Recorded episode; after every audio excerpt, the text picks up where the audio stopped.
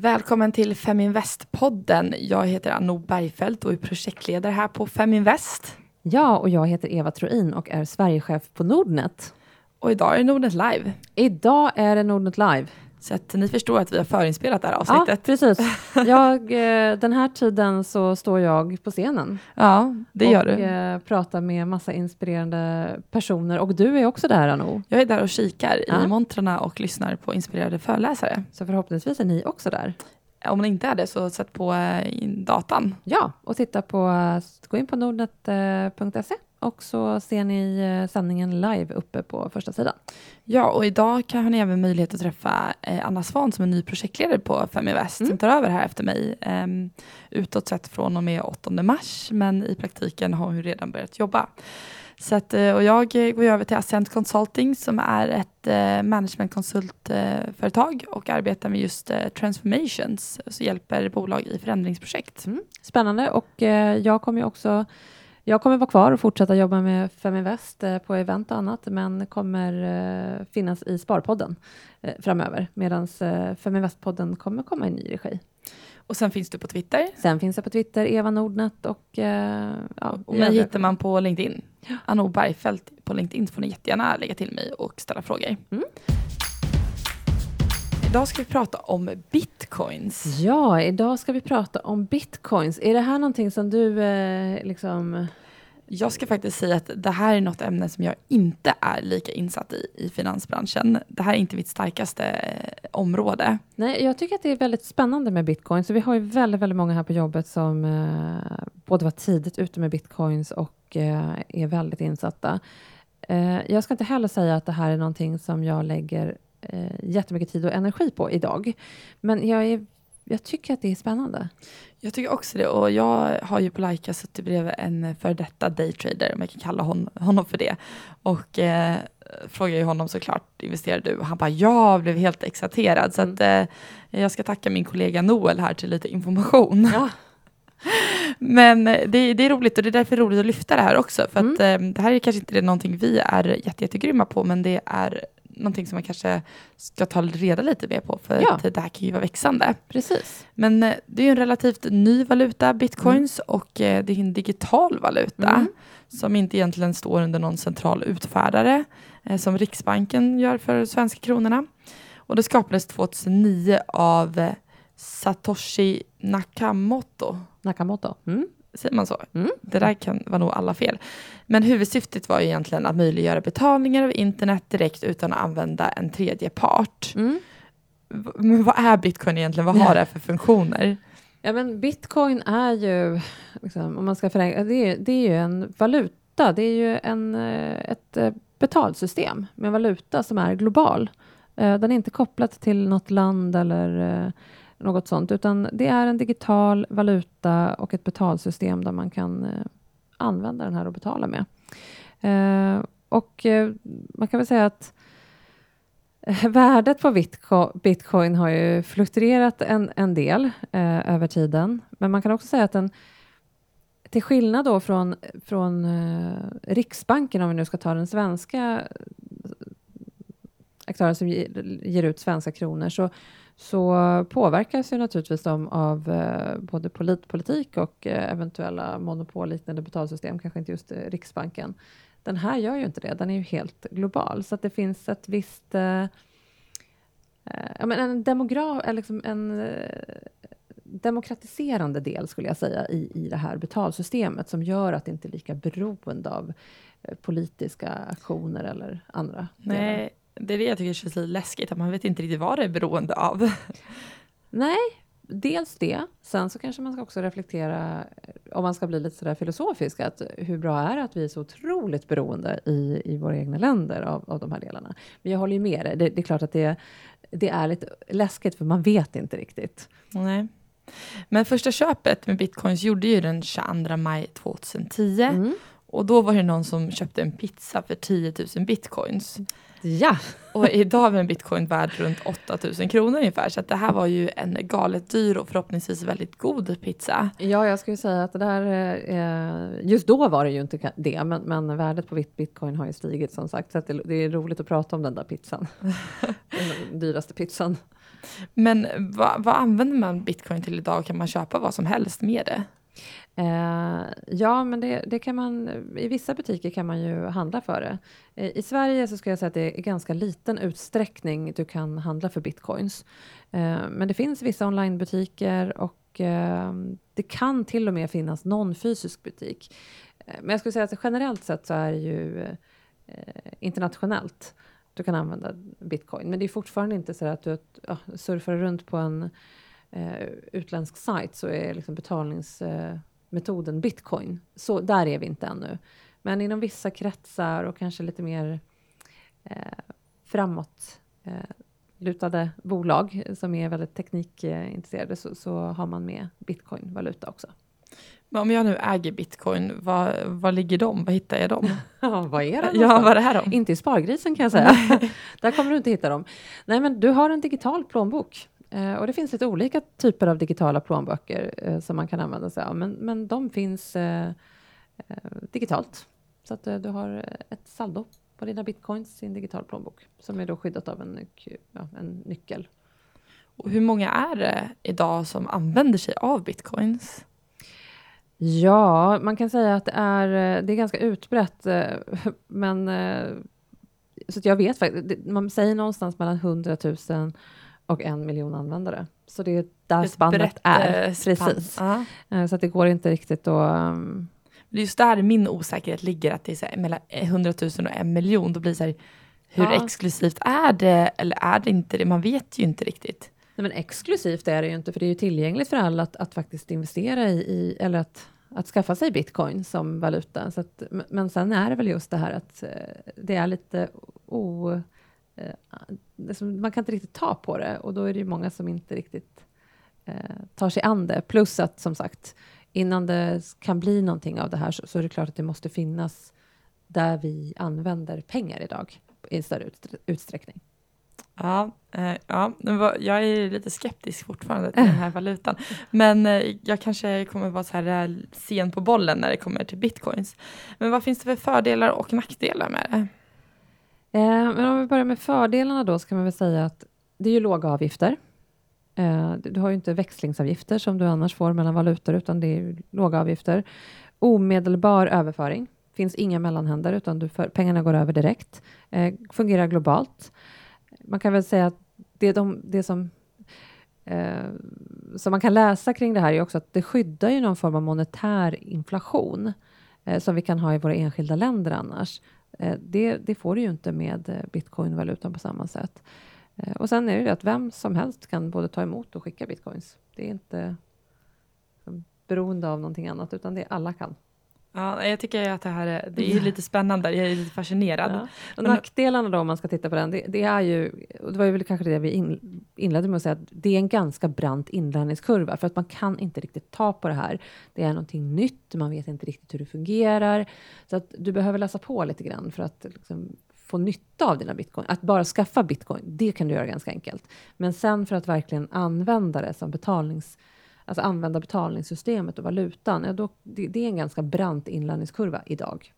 Eh, ska jag säga. Sen kräver du väldigt mycket personligt ansvar.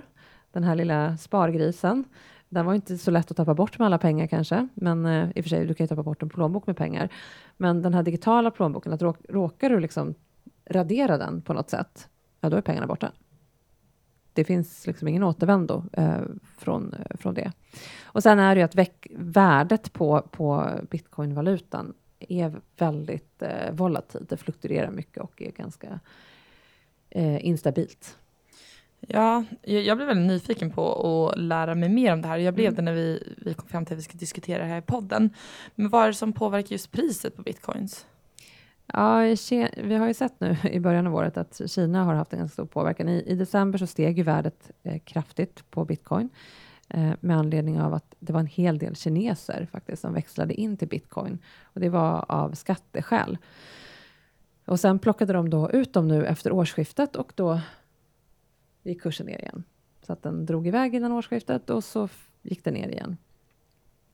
Eh, politisk instabilitet kan göra att fler söker sig från de här centralbanksstyrda valutorna mot digitala valutor, vilket då kan öka efterfrågan och då ökar värdet på bitcoin. Ehm, den tekniska ut utvecklingen kommer också ha en väldigt stor påverkan på den här valutan. Ehm, om valutan blir säkrare, eh, lättare att förstå, mer använd, då kommer det att locka fler användare. Och det kommer ju att ge en positiv effekt på, på kursen. Om man nu vill investera, hur går man tillväga då?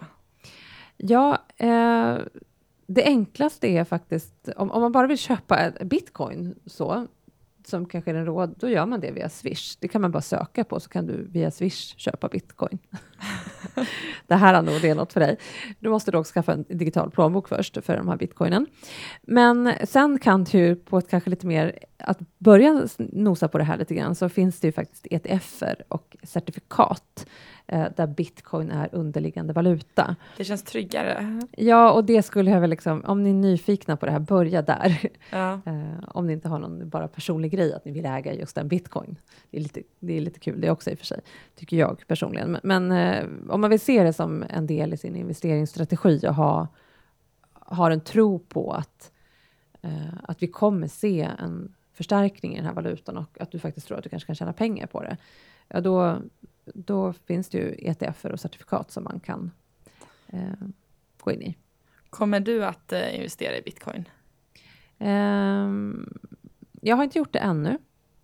Men, eh, men jag, du blir nyfiken att prova?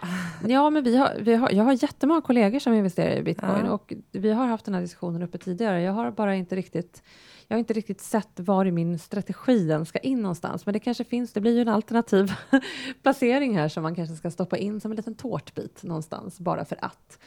Ehm, jag har varit sugen på att köpa den i mina barns portfölj.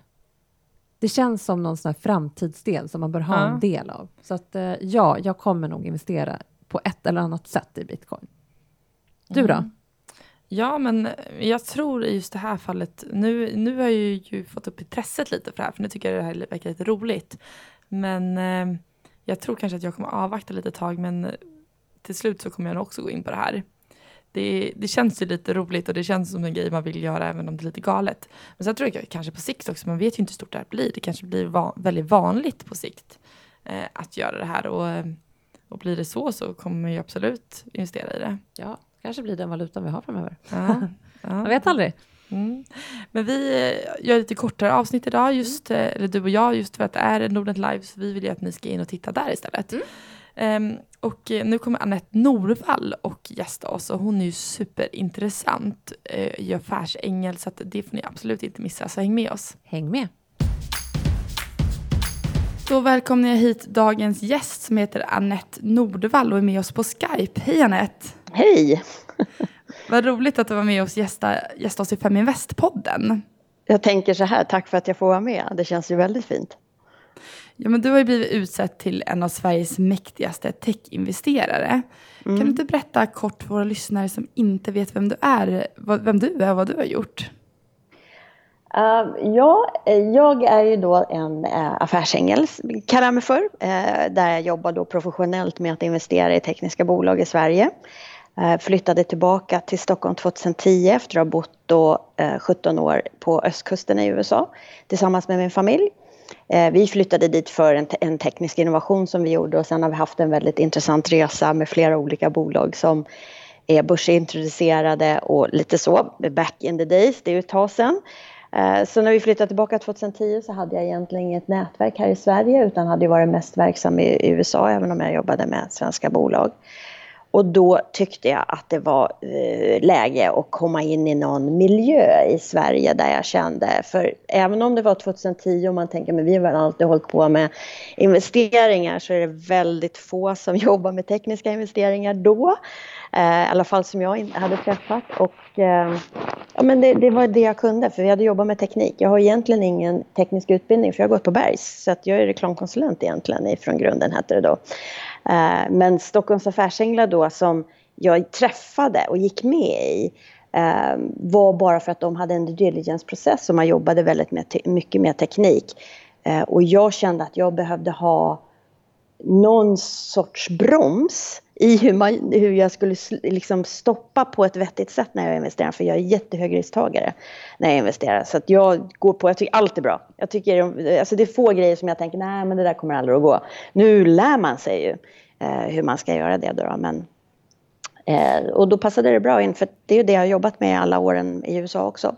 Och fastigheter ska jag säga. Du pratade om Stockholms affärsänglar och du är mm. partner i Stoaf. Ja. Eh, vad, vad, är Stockholms affärsänglar och vad är din roll där? Uh, Stoaf grundades 2008 av uh, några äldre män uh, och man hade då en investeringsfilosofi som var baserad på Silicon Valleys klassiska best practice-modell. Så Lennart Olsson som är en av grundarna och också eh, ekonomiprofessor på KTH, då eh, fortfarande eh, mer eller mindre verksam ska jag väl säga, för han är ju lite till åren, eh, startade då den här, det här ängelnätverket och det var ängelnätverk tre eller fyra tror jag för honom. Han hade ju jobbat sedan 60-talet med investeringar och, bland annat var en av grundarna till dagens Beijer Alma.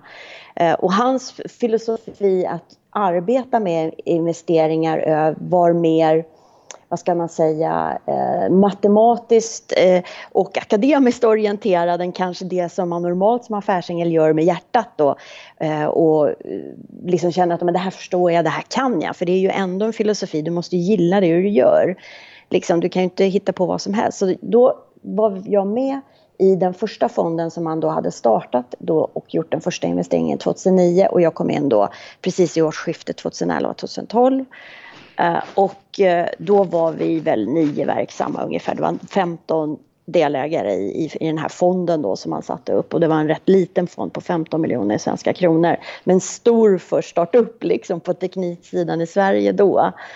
Uh, och sen så Eh, blev, liksom tyckte jag att det var så fantastiskt att vara med i den här gruppen. Det var ju bara jag och en tjej till som var med och det var det som jag trodde attraherade mig ännu mer. Om jag bara kan liksom använda de här hjärnorna på de här gubbarna och använda mig av deras kunskap, deras år av erfarenhet och bara applicera det i min värld på mitt sätt och samtidigt bara öser, överösa dem med mitt sätt att arbeta på och mitt sätt att vara på. Så kanske jag kan förmänskliga de här gamla gubbarna vid det här jättestora styrelsebordet som jag tänkte bara shit, kan jag få sitta här då är jag, då har jag liksom eh, ja men då, är, då tycker jag, då har det liksom blivit, eh, då kommer jag lära mig hur mycket som helst. Så jag har lärt mig jättemycket. Vi är idag 50 stycken änglar. Ja, vi har rekryterat in så nu är vi 15 kvinnor. Jag har hela tiden tänkt på mitt sätt att jobba, att det ska vara inte liksom kvinnor och det ska vara kvinnligt eller vad man nu ska kalla utan att det ska vara en, en jämlikhet och då tycker jag att det blir mycket bättre om man har ålder med, om man har liksom bakgrund ifrån vilken världs, olika världsdelar, att man är genuint intresserad av liksom den här typen av eh, eh, ja, men liksom, att det är jämlikhet på alla plan. Eh, och då tycker jag att vi har lyckats med. Vi har yngsta, hon är 28 tror jag, ja 28 och den äldsta han är väl då 80 plus. Eh, och vi, vi ligger, klumpen är väl mest kring 50 egentligen då. då. Ehm, för att jag är ju typ där och då det blir det. Man rekryterar ju sina likasinnade vare sig man är en vit man eller liksom. Men jag försöker vara så som generalist som möjligt då. och det har varit en jätte, jätterolig resa. Vi har jobbat jättehårt med det här. Det är ju ingen lön utan det här, jag är ju, är ju lite så här halvkorkad då för jag lägger ju både in pengar i de här bolagen som vi investerar i och jag lägger helt ner min hela arbetstid på att jobba med just eh, eh, våran, den här startup-delen då som Stockholms affärsänglar har hållit på med då, sedan nu 2008 då egentligen. Så vi har varit med och startat, eh, 2013 satte vi upp andra fonden och den har vi sista året på kvar nu som vi investerar i.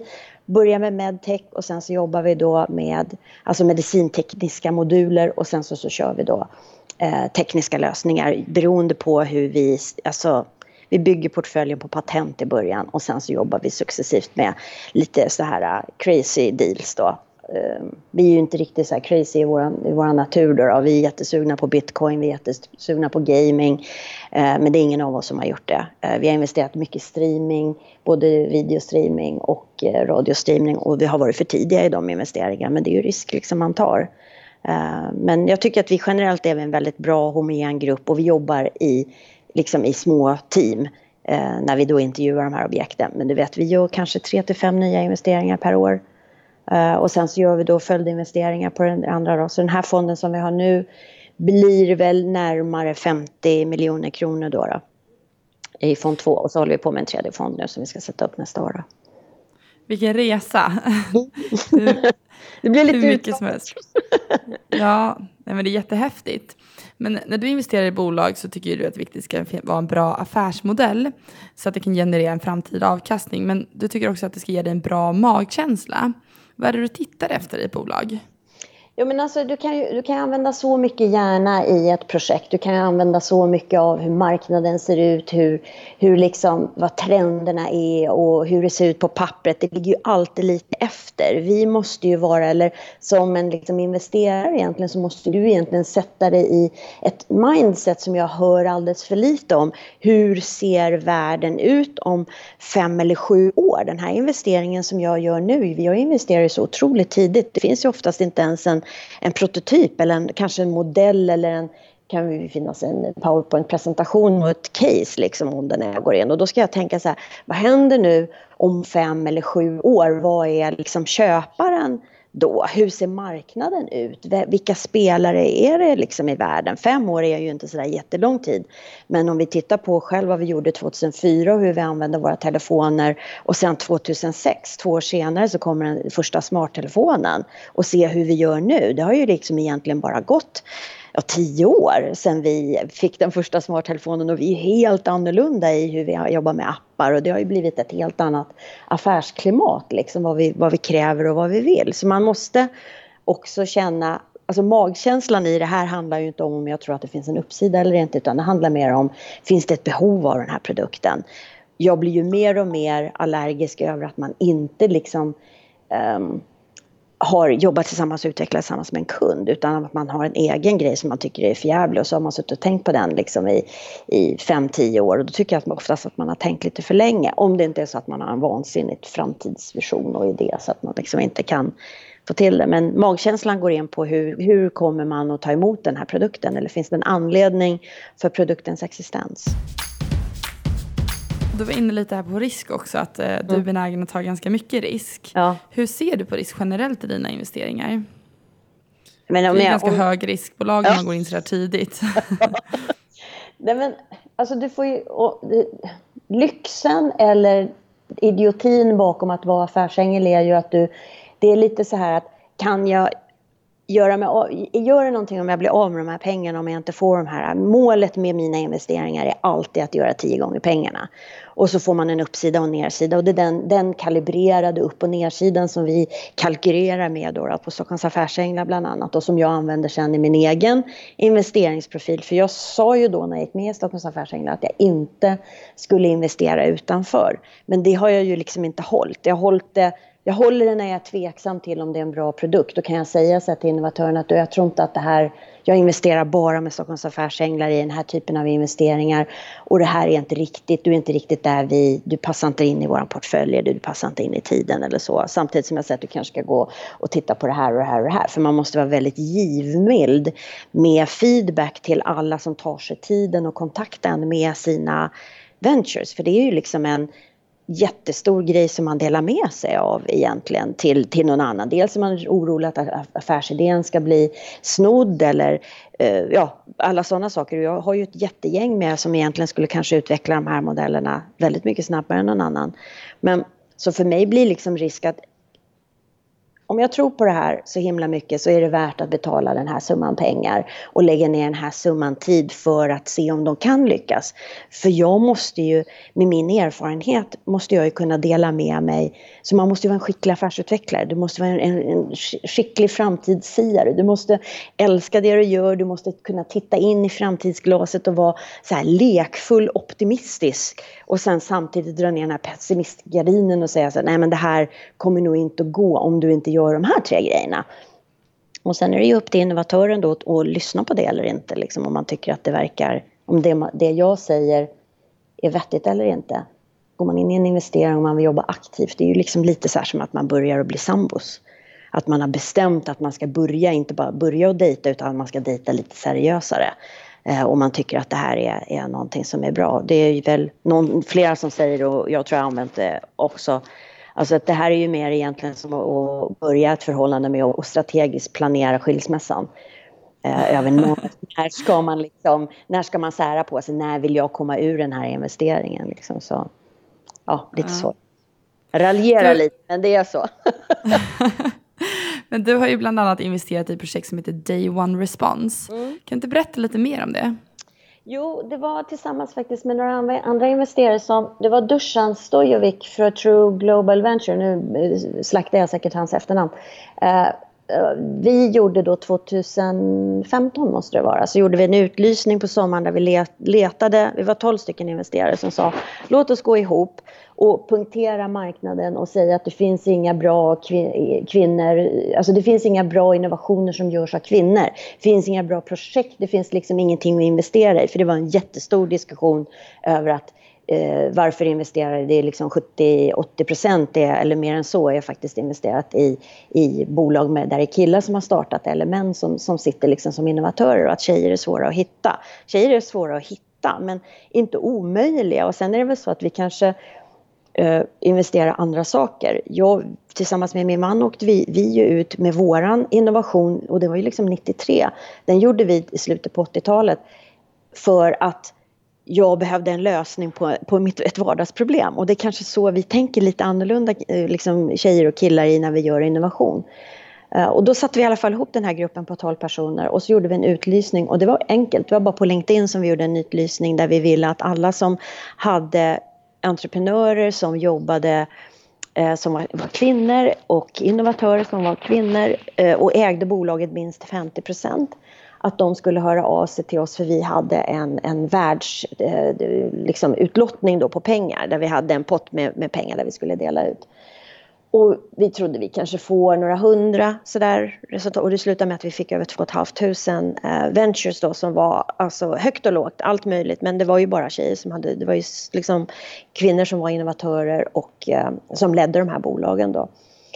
Så då fick vi dra in en hel patron med massor med människor som skulle gå igenom alla de här bolagen och det tog lite längre tid än vad vi hade hoppats. Men vi, vi, det var ju då i sommaren 2015 eh, och då hade vi då runner-ups, vi, vi hade 12 bolag som vi sen då intervjuade och så gjorde vi en intern due diligence ordentligt på dem då.